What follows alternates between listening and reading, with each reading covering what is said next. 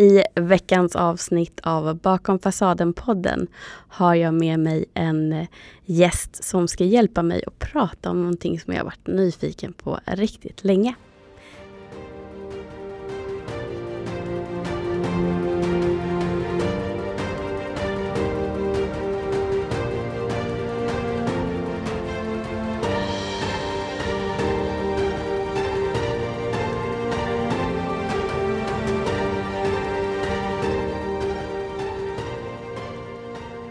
Varmt, varmt välkommen Jenny.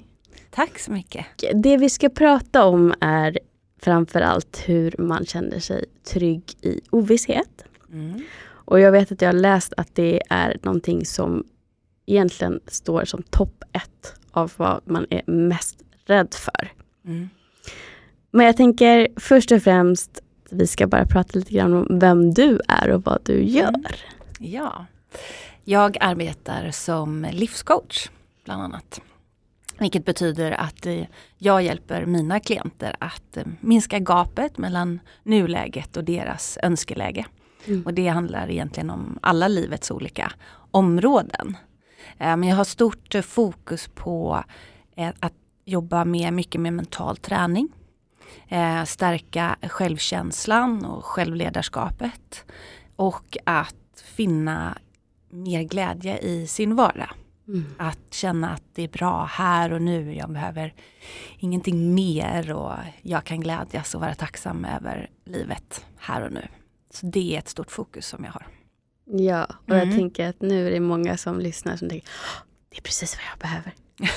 ja, hoppas det. Jo men det är många som behöver det såklart. Och det är ju utifrån att jag själv har gjort eh, den resan till att ha haft eh, helt fel fokus själv i vad mm. jag trott ska göra mig lycklig och glad och hur livet ska se ut. Och det präglades eh, länge av eh, att jag trodde att jag blev, eh, skulle bli lycklig av fina saker och dyra saker och pengar. och Man behövde vara framgångsrik och då menar jag framgångsrik yrkesmässigt. Mm. Och att det skulle spegla liksom eh, lyckan så att säga. Mm.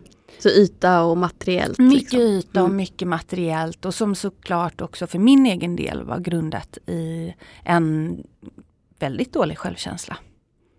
Så att det var rörigt för mig under många år och jag förstod inte riktigt att det handlade om dålig självkänsla förrän, förrän långt senare. Mm. Um, så att um, därav också um, just brinner så mycket för att uh, prata om och inspirera till att det är inte där lyckan ligger. Exakt, och det är precis därför jag har bjudit in dig också för mm. att jag brinner verkligen för det själv mm. och jag märker att det samhället som vi lever i idag uppmuntrar ju tyvärr mer till det du precis beskrev. Den här ytan och att det är så enormt utbrett med dålig självkänsla för att vi mm. får lära oss vad självförtroende är och inte särskilja och inte heller vad vi kan göra för att känna att vi har en stärkt självkänsla. Nej, Så att det blir mer att uppmuntras att hela tiden ha en perfekt fasad. Mm. Medan egentligen om man ska sätta stämpeln normalt på det som är mest vanligt så skulle jag säga att det är norm mer normalt att ha dålig självkänsla idag. Och att tänka att ja, men bara jag har en fin titel på jobbet, jag har snygga märkeskläder, jag kanske är kroppsbyggare och jag har den perfekta kroppen och mm. allt det här. Då är jag lyckad. Men varför är jag inte lycklig? Ja men exakt. Och så ofta ändå tycker jag att jag får höra om människor som uppnår då sina mål och drömmar som de ändå har satt upp och sen så når man dit och så blir det nästan lite antiklimax. Man mm. kanske är glad för en väldigt kort stund men sen så blir det ett jättestort frågetecken och en tomhet kring men jag känner mig ju inte lyckligare av det här. Nej. Man har ja, missat liksom resan och vad man ska lära sig. Och, och också faktiskt kanske funderat över vad innebär det för mig då sen när jag uppnår mina mål och vad vill jag känna då? Mm. Så att, eh, men så viktigt det där med skillnaden på självkänsla och självförtroende. Um, jag ställer den frågan ofta till många jag möter och det är få som faktiskt kan sätta ord på vad skillnaden är. Man mm. säger, jo men det vet jag vad det är. Ja, men kan du beskriva skillnaden? Är lite jobbig och utmanar. Men, och då är det inte så många som, som kan det och kan se skillnad på prestation och egenvärde. Mm. Men jag tänker att vi behöver ju också bli utmanade i det skedet. Ja. Vi behöver ju få de här lite jobbiga frågorna för att själv komma, kunna komma till insikt mm. och kunna röra oss framåt. Ja, ja men verkligen. Och sen måste man ju någonstans vara mottaglig själv. Jag kan mm. ofta tänka tillbaka på många liksom, situationer eller så som jag själv har varit i. Där jag egentligen fick rätt eh, vad ska man säga, information eller om vad jag kunde göra för att saker och ting skulle bli bättre. Mm. Men jag var inte mottaglig för fem öre så jag tyckte bara det var skitsnack och mm. rappakalja och tänkte att så där lätt kan det väl inte vara eller så. Men, eh, så det är klart att våran egen vilja måste finnas med på vägen till förändringen. Vad var det som gjorde dig mer mottaglig, tror du? Um, jag tror att det Alltså jag gick i många år och jag, jag kan spola tillbaka lite. Mm. Jag eh, var väl sådär lagom ambitiös på gymnasiet. Eh, och hade väl medelmåttiga betyg och visste inte riktigt vad jag skulle göra efter gymnasiet. Jag visste inte vad jag ville plugga eller direkt vad jag ville göra. Eller innerst inne gjorde jag det, men det var inget man skulle göra utan följa den här mallen och mm. normen av att vad jag trodde att jag skulle jobba med om jag skulle läsa ekonomi eller något liknande. Så att då gjorde jag inte det utan då började jag att jobba istället. Så jag har jobbat mycket inom Eh, försäljning och service. Och eh, sen så blev det också utmanande för mig för jag kände mig förbisprungen av alla som läste på universitet eller vidareutbildade sig. Och jag kände alltid att jag låg steget bakom. Och sen så um, har man lite social skills och kan prata för sig så är försäljning ett bra typ av yrke om man inte har vidareutbildat sig. Så jag mm. hamnade där och tänkte att ja men det här blir väl bra. Um, men det är, jag tyckte alltid om relationen till kunden. Den tyckte jag var kul. Mm. Sen brydde jag mig inte så här jättemycket om själva försäljningen. Självklart var det roligt att sälja. Men när jag såg på mina kollegor som drevs av det här och tjänade de här pengarna och så, så nej, jag tyckte jag fattade inte riktigt det där. Um, så det var liksom inte riktigt något för det var inte vad jag egentligen ville göra. Så det är så här, man byter jobb vart annat, vart tredje år, börjar om process. Ja men nu kanske det blir bättre, kanske var fel på arbetsplatsen ungefär. Men sen så hamnade jag i en situation där um, jag hade fått ett jobb som jag visste att jag inte skulle få en vidareanställning på för att det var en startup och det gick inte så bra för dem. Och då kände jag så här, nej men alltså nu, så här kan jag inte hålla på. Nu får jag göra någonting annat. Och då tog jag tillfället i akt att äh, läsa några kurser på Folkuniversitetet. Eh, och på den vägen var det egentligen att jag började med att så här, jag måste känna och tänka efter nu. För jag hade bara gått i de här spåren om vad man bör och ska och vad som ja, samhället säger att eh, liksom vi ska åstadkomma i livet och förhålla oss till. Mm. Så, vi glömmer att tänka efter själva vad vi vill. Liksom. Mm.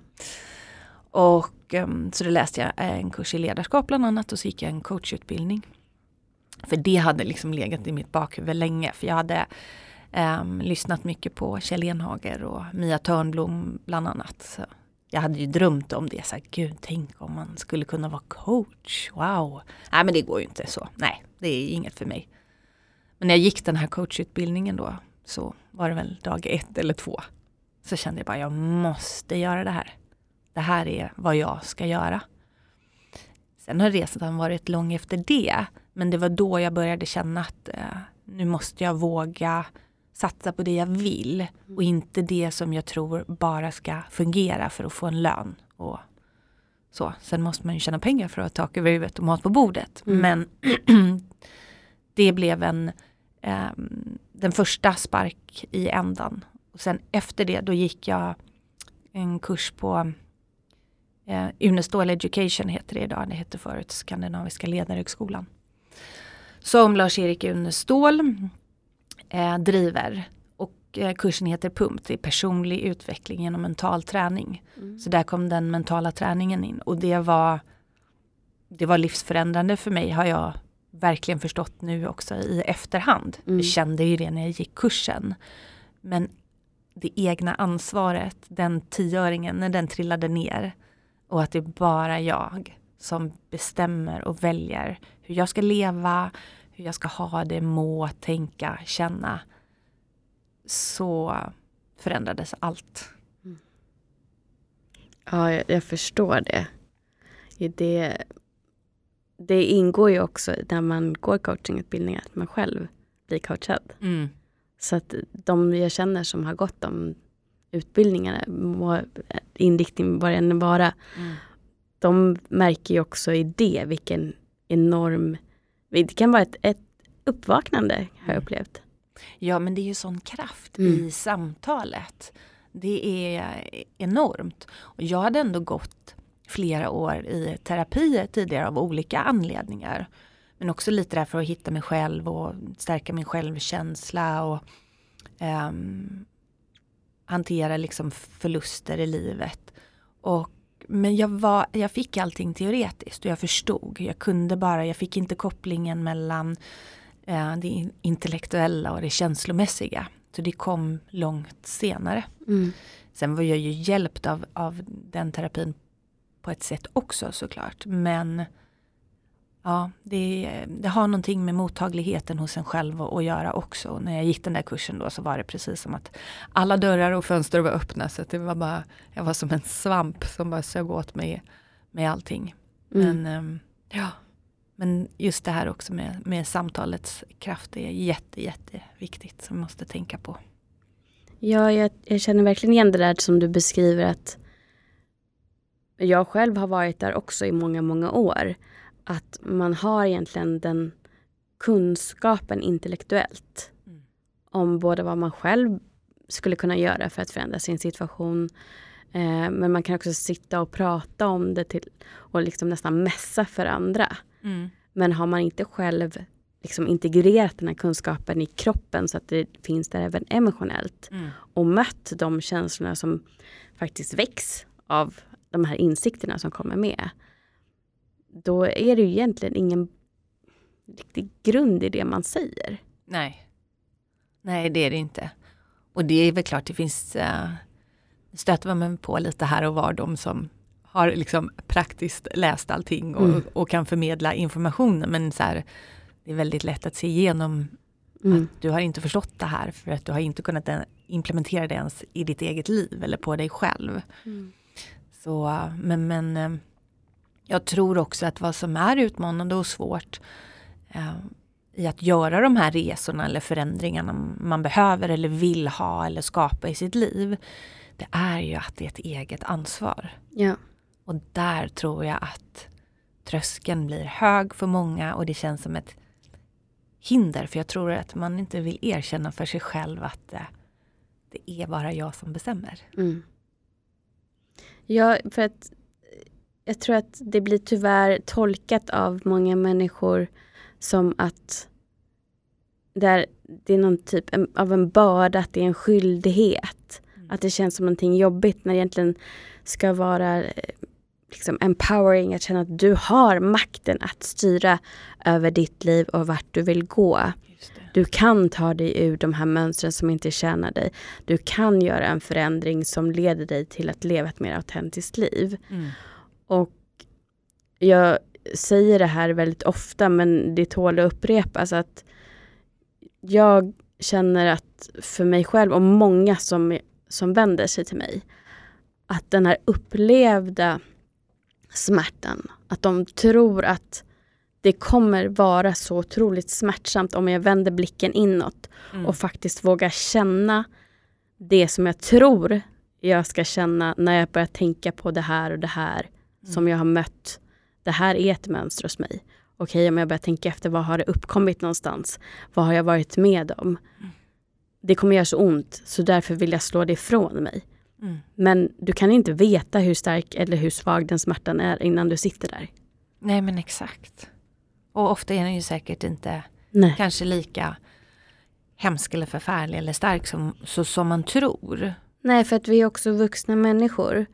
Så att det, det här lilla barnet i oss som tror att jag dör om jag känner smärta, det, vi gör ju inte det. Nej. Nej, det där är väldigt intressant. Just det där förhållningssättet till men vad är det värsta som kan hända? Mm. Om du tar tag i det här eller liksom börjar gå och prata med någon eller tar det här steget till att hantera trauma eller situationer eller det man har med sig från livet Mm. hittills.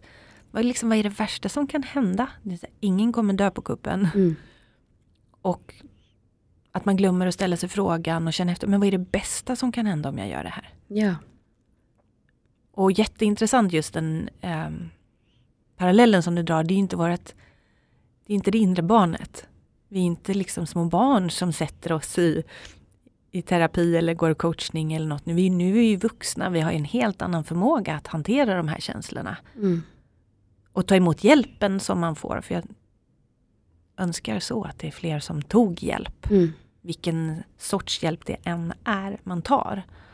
Men ehm, ja, ja, det är intressant den där den stora rädslan för att känna och att det gör lite ont och skaver. Alltså, Mm. Jag brukar också säga så här, förändring är sällan eller inte alltid lätt. Men den är alltid möjlig. Mm. Men återigen då, det egna ansvaret i, i det. Mm. Mm. Och sen att man också eh, blir vägledd när man går till en coach eller en terapeut. Mm. Du är ju inte ensam i det.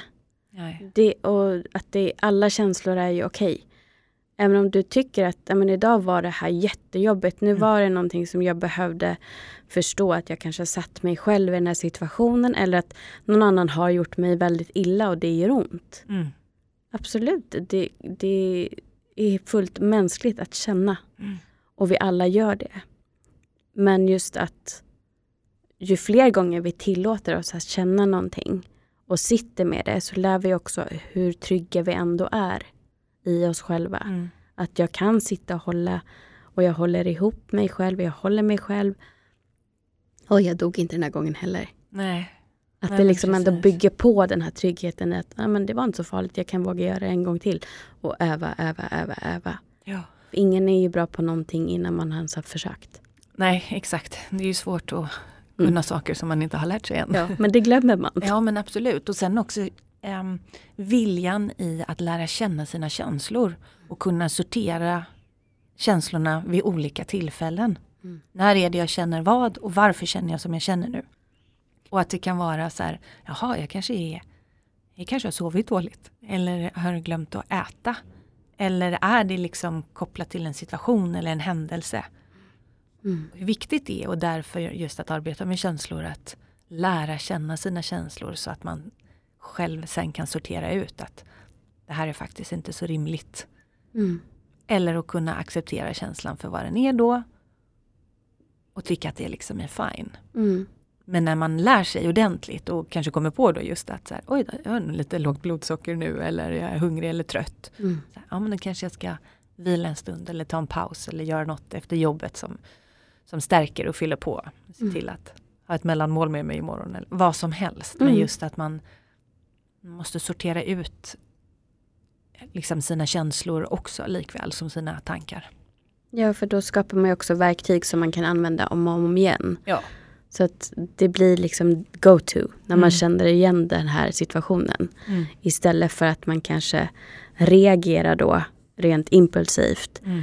så stannar det upp och gör ett medvetet val och agerar på känslan. Mm. Ja men just verktygen också är en sån bra eh, metafor tycker jag. Om man tänker om man ska bygga någonting. Inte går man in någonstans utan verktyg Nej. för att liksom snickra ihop något eller montera ihop något. Det gör man ju inte. Så det tycker jag är en väldigt tydlig liksom, metafor att använda sig av. Så, så fungerar det ju i livet också. Jag måste ju skaffa mig verktyg för att lära mig hantera situationer. Mm. Och livet är ju jämna plågor höll jag på att säga. Nej, men vi utsätts ju för mycket under en livstid. Jag menar har vi glädjen och, och lyckan och förmånen att leva och tills vi blir gamla och dör av ålder. Då kommer vi ju möta en del på vägen. Och jag önskar att, man, att jag såg fler som hade en större ambition i dels att man också förstår, det är acceptera. De här yttre sakerna kan jag inte påverka som händer. Men vad gör jag för mig själv för att ha de absolut bästa förutsättningarna för att hantera livet? Mm. I både med och motgång såklart. Ja. Man, man tänker på sig själv för att det ska bli så bra som möjligt. Precis. Jag märker det väldigt tydligt den här hösten att det är väldigt många som är otroligt stressade. Mm. Eh, jag själv också bland annat. Um, och många av dem i min närhet som också precis som jag har utmattning eller utbrändhet i bagaget. Um, liksom är på väg dit igen och det jag vet inte om det är någonting just nu generellt att det just för att det öppnar upp väldigt mycket efter pandemin eller efter, men ja, efter mm. den, den, värsta delen av den har gjort att allas arbetsbörda har blivit väldigt mycket högre väldigt fort och att det blir liksom överväldigande på många sätt. Mm. Men där så vill jag också poängtera hur viktigt det är att göra det som vi precis pratade om, att man har sina verktyg som man har sina go-to och vågar stanna upp även om man känner att allting rullar på väldigt snabbt runt omkring mig. Mm. Att det är okej okay att stänga in sig lite grann och bara återhämta sig så fort, eller inte så fort kanske, men, men mer så att man tar till sina verktyg så fort som möjligt. Mm. Det är väl det, dit jag vill komma. Ja. Och att har man då haft hjälp och fått etablera verktygen så kan man ju såklart tappa bort dem på vägen för att man kanske inte upplever att man behöver dem. Nej. Men då finns de ändå där från början. Mm. Och där är det också jätteviktigt att just ta hjälp av, av personer som dig om man inte har haft någon som har hjälpt en att hitta de här verktygen från början. Ja men precis. Och det är ju det också, det är ju allt som har med personlig utveckling att göra, det är ju färskvara. Mm. Det är ju som att ja, med fysisk träning. Vi ja. måste hålla igång för antingen för att behålla men också för att utvecklas eller bli starkare. Mm. Så att, eh, men det är klart när grunden finns där och verktygen, man har hittat de där verktygen en gång, då är det ju lättare att plocka fram dem igen. Men det är otroligt viktigt att vi ser till att vi skaffar oss dem och vet vilka verktyg vi ska använda vid vilka tillfällen. Mm. Men jag tycker också att det är intressant nu med den perioden som har varit i och med pandemin. Och mitt i så, det har ändå pratats mycket om att ja men nu får vi stanna upp och så får man reflektera och så kanske omvärdera vad är det som är viktigt och sådär. Och jag tycker att det ska bli väldigt intressant att se om det, ursäkta uttrycket, bara var snack mm. under den här tiden mm. eller om det faktiskt blir förändring för många. Mm. För precis som du säger, du upplever stress så mycket nu runt omkring och Um, jag kan också få känslan av det, det är precis som att vi ska hinna ikapp någonting ja. som vi har missat nu under tiden. Mm. Och för det första är det helt omöjligt. Mm. och för det andra är det superkorkat. Ja. Uh, för att, dels för att vi inte ska gå tillbaka till någonting som har varit, utan vi ska skapa en ny framtid. Um, så jag är lite allergisk mot det här, vi ska gå tillbaka till det normala. Nej, vi ska inte tillbaka, vi ska alltid framåt. Mm. Men att eh, liksom, vad, vad, kommer vi verkligen ha lärt oss sen då? Kommer vi ha skapat nya rutiner och kommer vi ha omvärderat och lyssnat mer på oss själva vad som är viktigt för mm. en själv och eventuell familj och så. Mm. Jag, tycker det, jag tycker redan nämligen man ser lite tendenser att det glöms bort ganska snabbt. Ja, det, det håller jag med om och det, jag, jag är lika nyfiken som du. Där känner väl jag att just det som du sa tidigare, att också hitta acceptans i saker utifrån som man inte kan påverka, mm. har varit otroligt viktigt. Mm. För att jag har känt mig väldigt bekväm med att inte behöva vara i sammanhang där det är mycket människor. Att känna att det varit lättare att börja sätta gränser för mm. vad jag orkar och inte orkar. Mm. Och eftersom det inte har gått att göra det på samma sätt när det varit restriktioner så har det varit mer accepterat. Mm. Men jag jobbar i en bransch som påverkas av att det öppnar upp. Mm. Och det har ju blivit jag ska inte gå in på det för folk är inte så intresserade av just den branschen kanske som lyssnar. Men att vi blir ändå påverkade av att det öppnar upp i hela eh, världen. Mm. Eh, det är råvarubrist. Mm. Och saker blir försenade, man kan inte leverera när man ska. Alla i alla led är stressade. Mm.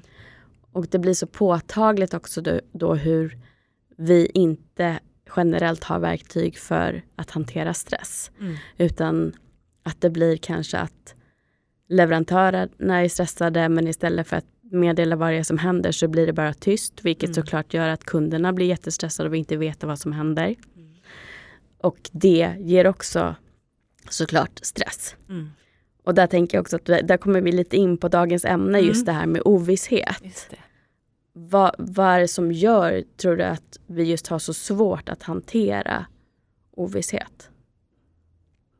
För det är väldigt generellt Ja, det svårt. är ju jättegenerellt. Eh, och jag tror att det handlar om eh,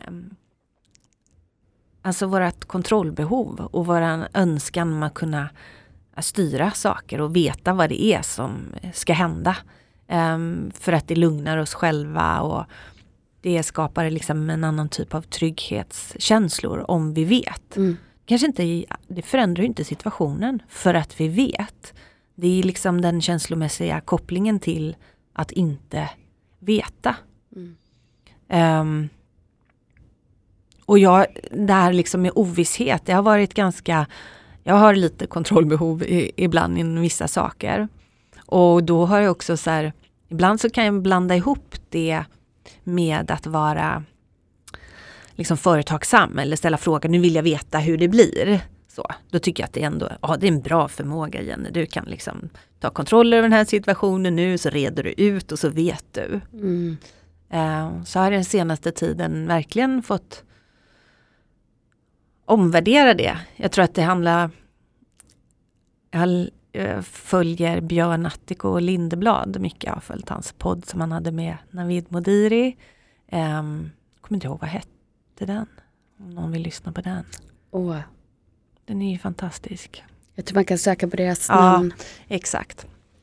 Och um, läste hans bok för ett tag sedan. Och uh, utifrån sitt munkliv då alla upplevelser och lärdomar han har fått med sig. Och det intressanta är att det är väldigt mycket som är så enkelt. Mm. Och just det här med att kunna leva i ovisshet och att släppa taget om saker. När vi lär oss att behärska det, vad mycket enklare allting kommer bli då. Mm. Och vad mycket enklare livet blir. Um, mm. Ja, eh, för att om vi faktiskt tänker efter så är ju ändå så att ovisshet är ju därför att vi försöker styra någonting som inte går att styra över. Mm. Du kan aldrig veta vad som händer imorgon. Det är Nej. helt omöjligt. Mm. Det spelar ingen roll hur mycket du betalar till de som sitter och lägger tarot eller vad det är. Ja, det är liksom, inte ens de kan garantera att det här Nej. kommer verkligen hända.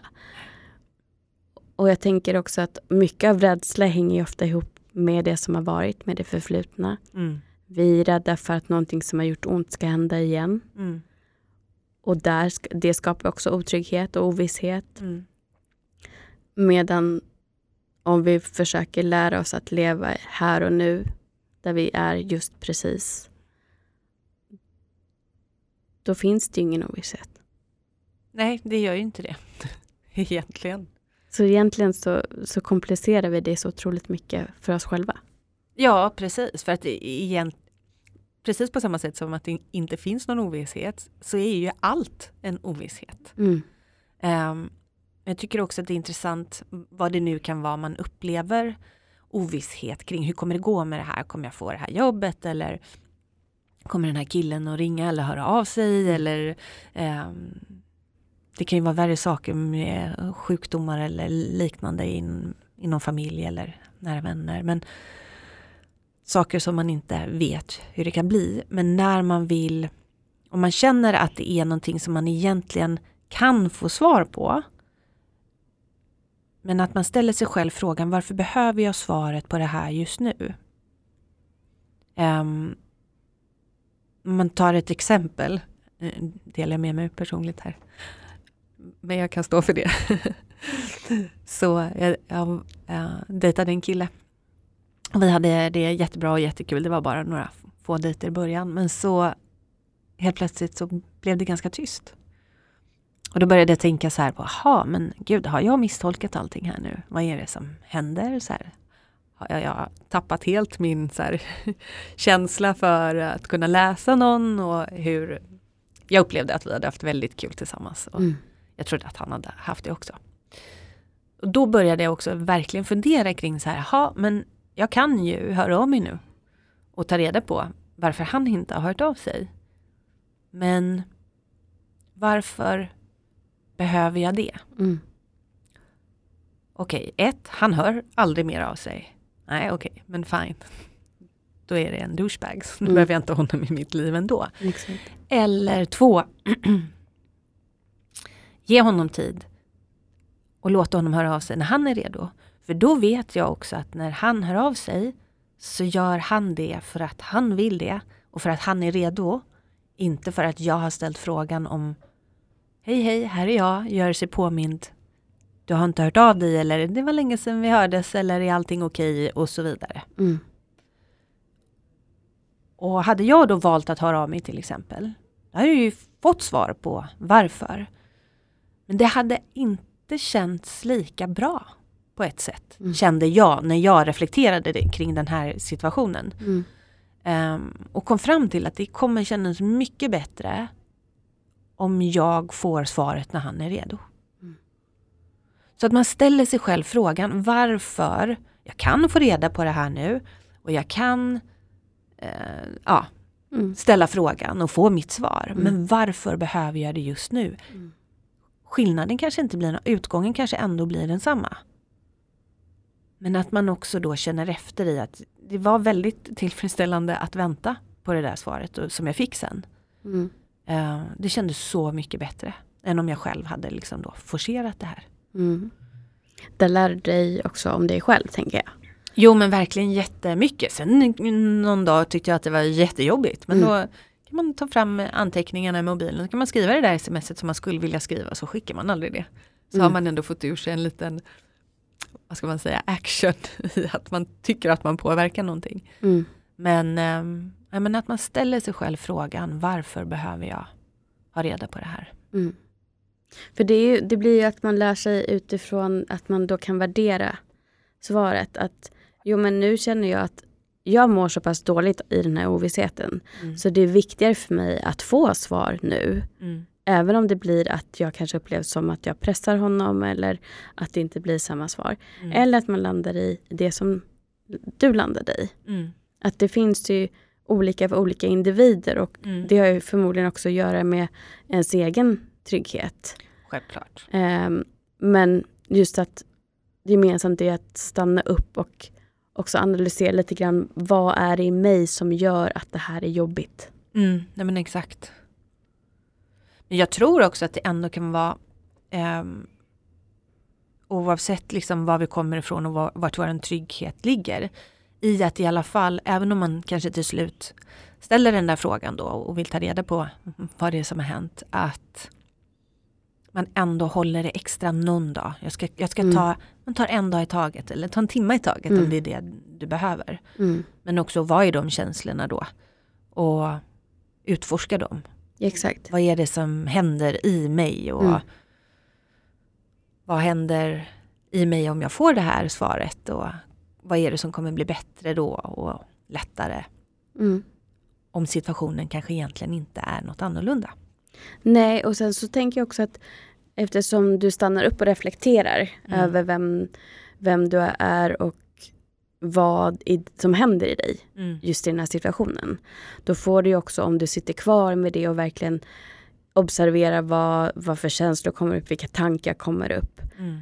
Att om du märker att nu är jag där jag brukar vara, mm. att det här är ett upprepande mönster. Mm. Okej, okay, vad, är, vad är det egentligen som är, är det så att jag kanske dras till otillgängliga personer? Exakt. För att jag upplever på något sätt att om jag sen får ett svar, ja men då på något sätt visar det mitt värde. Mm. att jag lägger hela värdet i att om den här personen hör av sig eller inte. Mm. För då är man ju ute lite på fel, på villospår. Då är liksom, Verkligen. nej men mitt värde ska ju inte ligga i det. Och om jag upplever att nej men det här är ingenting som funkar för mig, för det sätter mig i en situation där jag inte mår bra. Mm. Då kanske jag behöver omvärdera vilka personer jag söker mig till och varför jag söker mig till dem jag söker mig Mm. till. Så att jag kan förändra det beteendet och söka mig till dem som jag inte hamnar i den situationen med. Mm. Man kanske helt enkelt kommer fram till att det spelar inte så stor roll nu om han svarar eller inte för att jag vet nog inte om jag vill ha det här. Nej, Jag vill inte ha någon som tar flera dagar på sig och hör av sig. Nej, Utan någon precis. som är mer konsekvent och känner sig trygg i sitt intresse så att vi kanske hörs så ofta som jag personligen är bekväm med. Mm. Eller att man märker att tvärtom eh, funkar inte för att jag kanske inte är så i, i, känslomässigt tillgänglig själv så jag tycker det är jobbigt när någon hör av sig för ofta. Mm. Vad, vad det än må vara så bara det här att stanna upp och tänka och lyssna inåt gör ju att man lär sig otroligt mycket av sig själv och därigenom kan också se vad är det jag vill förändra när man sen vänder sig till dig eller någon annan till exempel. Ja men precis, verkligen. Det är ju alltid det, det är stanna upp och reflektera. Vi behöver träna på att reflektera också dagligen. Um, för det går ju lite hand i hand också med ja, hur vi springer på i våra liv och inte liksom riktigt stannar upp och så är vi på någon plats någon dag när man är i 40-årsåldern och så bara oj då, hur hamnar jag här och hur gick det här till? Så reflektion i, i allt det är jätteviktigt och det är ju, tycker jag, nog en av de främsta verktygen när det gäller självledarskap. Mm. Ingen, ingen är perfekt och ingen ska vara perfekt och det blir otroligt ointressant om vi skulle gå runt som perfekta människor. Utan det handlar ju om att förstå varför man gör och agerar och tänker och känner som man gör i olika situationer. Mm. Handlar fel gör man, liksom. Om man säger fel och ja, gör fel. Mm. Men då viktigt är då att man stannar upp och kan reflektera över till exempel varför gjorde jag så här nu och varför Mm. fick det mig att känna så här. Och ta sitt ansvar och sen ställa det man kan till rätta. Mm. Men just ovissheten också och det här med att släppa taget, det är ju väldigt kopplat till yttre liksom, påverkan. Saker som vi själva inte kan påverka väldigt ofta. Mm. Och ehm, skaffa sig då ett förhållningssätt till det. Att kunna också så synliggöra att det här är ju något som jag inte kan göra någonting åt just nu. Så vad gör jag med det? Mm. Ska jag låta det ta över liksom hela min dag eller veckor eller månader av mitt liv? Eller ska jag se till att jag förhåller mig till det på ett sätt som gör att jag kan ha det bra ändå oavsett liksom det som är den yttre påverkan. Och släppa taget lite. Jag kan inte påverka det här just nu. Mm. Och det går ju hand i hand med acceptans och ja, Mm. det är ju ett, det är ett stort kugghjul allt det här med vad man ska säga vad. Det är väl mer en personlig utveckling men de verktygen och de redskapen vi behöver för att hantera livet. Ja, och var någonstans man hittar tilliten. Mm. Exakt. Ja, för tilliten är ju en jättestor grund såklart i att kunna släppa taget och att kunna leva i en viss form av ovisshet. Mm. Eh, så tillit och tålamod och där kommer också självkänslan in. Att ehm, vara trygg i sig själv och kunna känna att ja men verkligen kunna känna att det är, det är fine som det är. Det här har inte med mig att göra personligen. Det har ingenting med mitt värde som människa att göra. Mm. Så har man de delarna så är det självklart mycket enklare att börja arbeta med att kunna släppa taget och, och leva, i en, leva i ovisshet. Mm. Och just när man tänker på dating så blir det också så att ju tryggare du är i dig själv att oavsett vad som händer med den här personen så vet jag att jag kommer klara mig. Mm. Även om jag kommer känna mig övergiven Mm. så har jag inte övergivit mig själv utan jag finns kvar här för mig själv. Och det är den viktigaste personen som ska finnas kvar. Mm. Att man på något sätt kan jobba med att hitta den känslan. Mm. För att ofta när man är rädd inom dejtingsituationer så är det ju att man har en otrygg anknytning och i grund och botten är otroligt rädd för att känna känslan av övergivenhet. Ja. Med, för att man har, det bottnar i när man har varit så liten så att man faktiskt inte skulle klara sig om man blev övergiven. Men som vuxna så finns det ingen risk att du dör om en person inte hör av sig eller gör slut med dig. Eller Nej men precis. Jag tänkte på det när jag lyssnade på det senaste avsnittet också. Men Just det här att vi, vi klarar oss idag som vuxna människor. Vi liksom överlever att, att bli lämnade. Men vad intressant det är hur lätt det kan vara att man hamnar i en relation eller ja, inte känner den här eh, tilliten eller glömmer bort sig själv för någon annan är kanske starkare eller mer drivande och gud, hur ska jag klara mig om jag inte är med den här personen? Mm. Och det har jag själv haft erfarenhet av och, jag, och då var jag ju ändå vuxen men, men känslorna fanns ändå där. Bara, Men hur ska jag klara mig? Mm. Och sen var ju det kopplat till, eh, till fler saker som att jag fortfarande inte hade liksom stärkt min självkänsla då utan hade jag skapat mig ett liv med den här personen som egentligen styrde allt. Eh, Det var ingen dålig person men det blev ingen bra kombo bara. Mm. Men att eh, och en levnadsstandard och så som jag tänkte så här, ha men då tappade jag, hade jag helt tappat tron på min egen förmåga. Mm.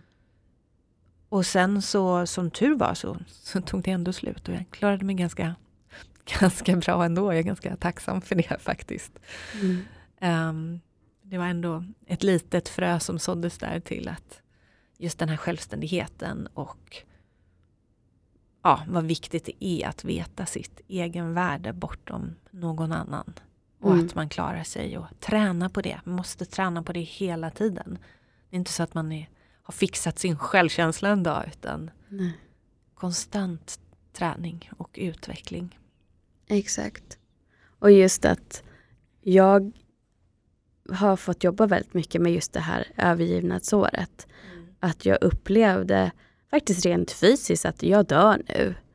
Fast jag absolut inte kunde dö av det i vuxen ålder.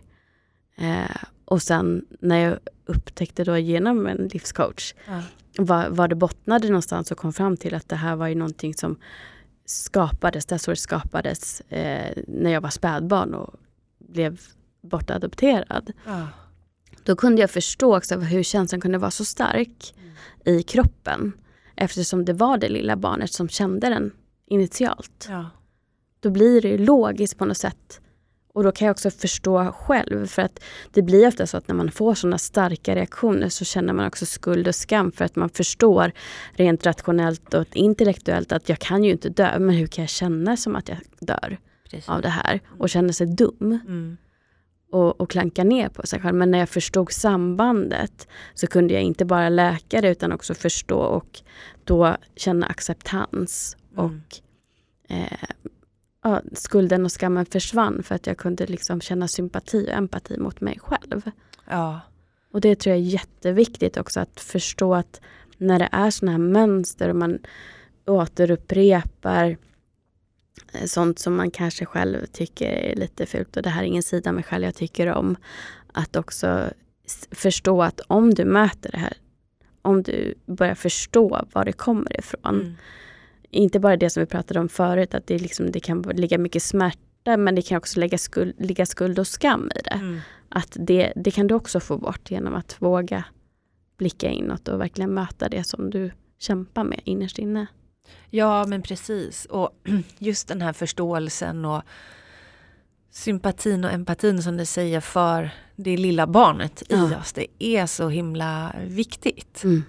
Ehm, och det kan ju vara jag upplever att jag träffar många människor som tänker men jag har haft det bra och jag har inga, inget från min barndom som har liksom påverkat mig så. Vad skulle det kunna vara?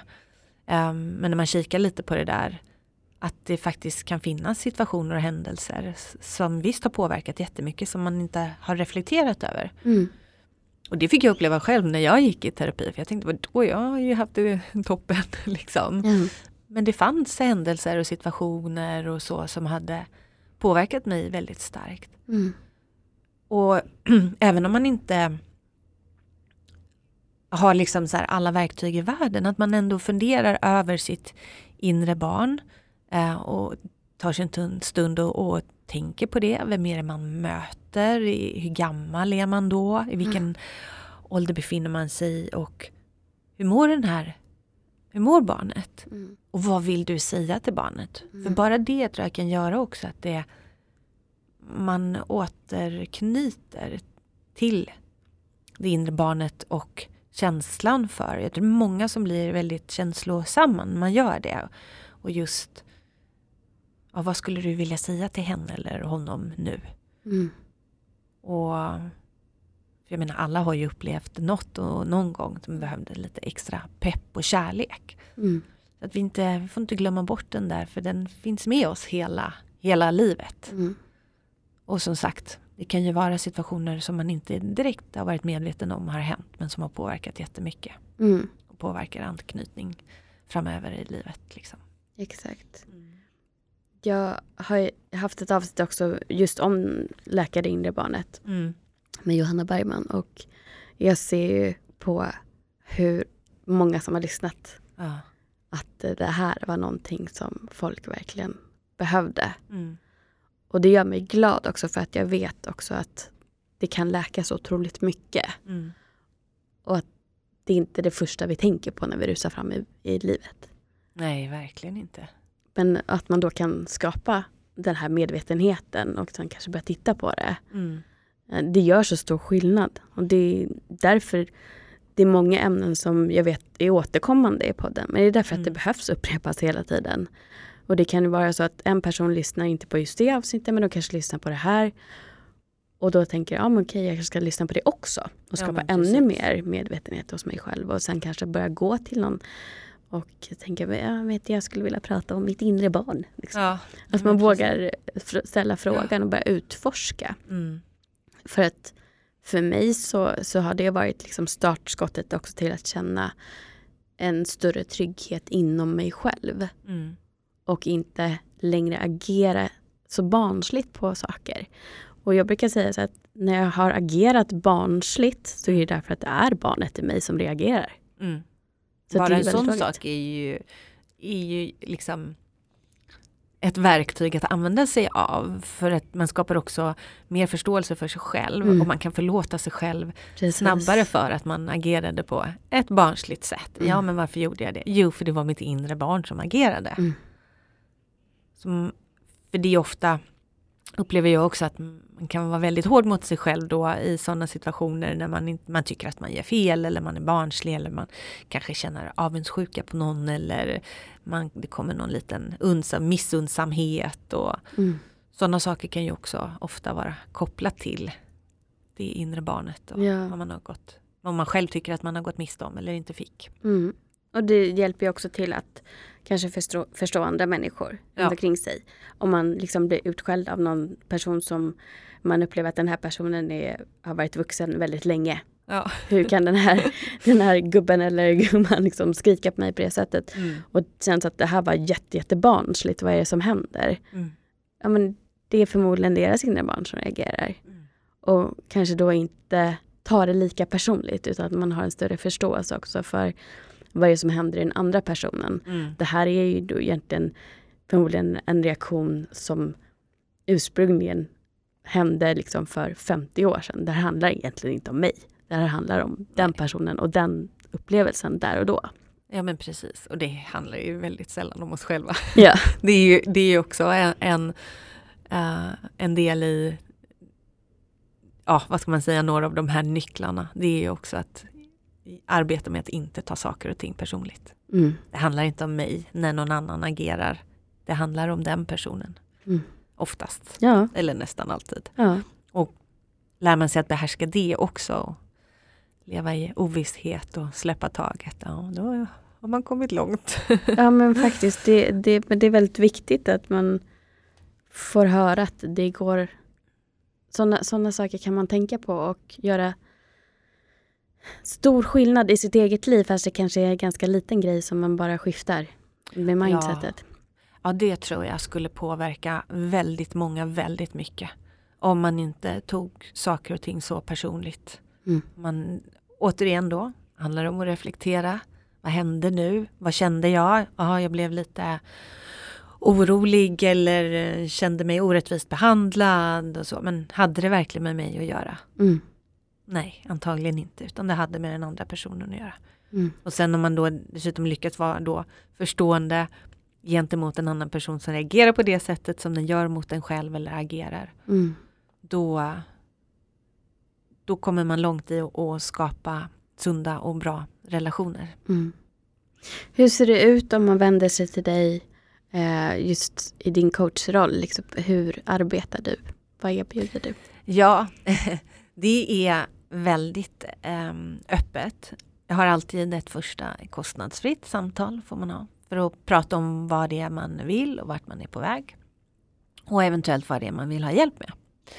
Eh, men det är samtalet och, och, frågorna som styr. Så att, och också det viktigaste av allt, att jag vet ju att eh, klienten har svaren inom sig. Eh, men ibland när det behövs så går jag in eh, i en rådgivande roll också. Um, så jag är inte helt låst till att bara coachningen går ut på att man ställer frågor och mm. så, man inte har några svar. Um, och för mig är inte rådgivningen svar heller men utifrån mitt eget liv och vad jag har upplevt och vad jag har lärt mig så har jag ju jag stött på vissa saker och vissa saker har hjälpt mig och sitter man då i ett samtal med mig där jag upplever att det här kanske skulle kunna hjälpa den här personen så frågar jag alltid om jag får lov att komma med lite input eller mm. ett råd eller ett tips. Så. Um, och um, vi arbetar ofta utifrån ett um, när man kommer som de första gångerna så lägger man upp en liten plan. Men ska vi, vi tar fem, åtta eller tio gånger. Mm. Jag upplever ofta att klienten tycker att det är, är enkelt och hanterbart och mm. liksom en ram. Mm. För coachning går ju också ut på din positiv riktning framåt. Visst så behöver man se och reflektera över saker och ting som har varit. Men det är också mycket så här, ja fast nu är vi här, vi ska framåt, vi ska inte bakåt. Dit kan vi inte gå, det har liksom hänt. Mm. Allt vi har är här och nu. Och sen vad vi ska göra liksom framåt. Mm. Um, och nu är det ju otroligt bra att vi också har lärt oss att bli bättre på digitala möten. Det är ändå en positiv sak tycker jag. Mm. För det betyder att det spelar ingen roll vart i världen du befinner dig. Jag kan hjälpa dig ändå. Um, och vill man så kan man dessutom också ha eh, telefonsamtal eller kan göra walk and talk. Vad den som passar eh, klienten och vad man känner sig trygg i. Mm. Men det är ju ofta också den händer att man eh, kontaktar mig för att man vill ha hjälp med en viss sak och sen så tar det en annan väg. Ja. Och då måste det få ta den vägen. Ja. Så att eh, jag styr ingenting utan det handlar om, jag stämmer av med klienten att vi svänger om på en annan väg här nu. Mm. Vill du fortsätta på den eller ska vi hålla oss till den andra? Det är upp till dig. Uh, men det är ofta man fortsätter på den där vägen då som man svängde av till. Mm.